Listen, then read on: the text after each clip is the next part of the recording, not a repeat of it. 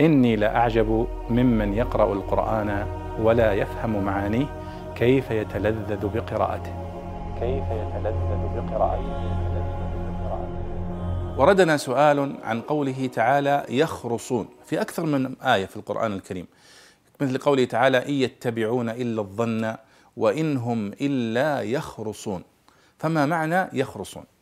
فالجواب أن يخرصون معناها يخمنون. ويتكلمون بغير دليل وبغير بينة. فكل قول مبني على الظن وعلى التخمين يقال له خرص. فمعناه اذا اتهام لهم بالكذب أنهم يقولون ما ليس لهم به علم يخمنون ليس لديهم دليل فيما يقولون. قتل الخراصون آه، إن يتبعون إلا الظن وإن هم إلا يخرصون. وهذا أصلا مأخوذ من خرص الثمر على رؤوس الشجر. فخرص الثمر على رؤوس الشجر هو تخمينها وتقديرها. يأتي الرجل الخارص الذي يخرص الثمار حتى يأخذ عليها الزكاة فينظر إلى النخلة مثلا وينظر إليها نظرة عامة.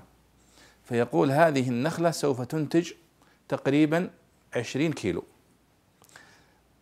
بناء على تخمين ونظرة عامة ليست دقيقة. هو لم يحسب الثمر الرطب مثلا حبة حبة ولم يأخذ العذوق عذقا عذقا وإنما نظرة عامة بنى عليها حكمه. فقال هذه تنتج عشرين كيلو إذا سوف نأخذ آه، زكاة لها كذا. هؤلاء يقال لهم الخارصون أو الخارص الذي يخرص الثمرة على رؤوس على رؤوس الشجر. بناء على التخمين وليس بناء على الدقة والتدقيق.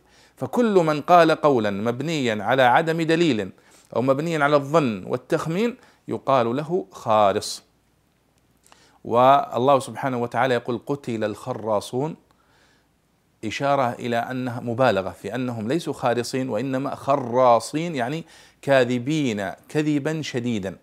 ويكذبون على الله ويكذبون على الأنبياء كذبا شديدا. ولذلك قال قتل الخراصون أي لعنوا وأبعدوا من رحمة الله سبحانه وتعالى. فالخرص إذن هو الظن والتخمين. وكل قول ليس عليه دليل فإنما هو من باب الخرص والتخمين. فيقال لصاحبه كاذب حتى لو أصاب الحقيقة. كما قال الله سبحانه وتعالى عن المنافقين آه إذا جاءك المنافقون قالوا نشهد إنك لرسول الله. وهذا كلام صحيح. والله ثم قال والله يعلم إنك لرسول والله يشهد إن المنافقين لكاذبون لأنهم قالوا ذلك عن غير اعتقاد آه، به وإنما قالوه آه، من باب آه، القول بأفواههم دون الاعتقاد بقلوبهم. فاذا الخرص هو الظن والتخمين والله أعلم.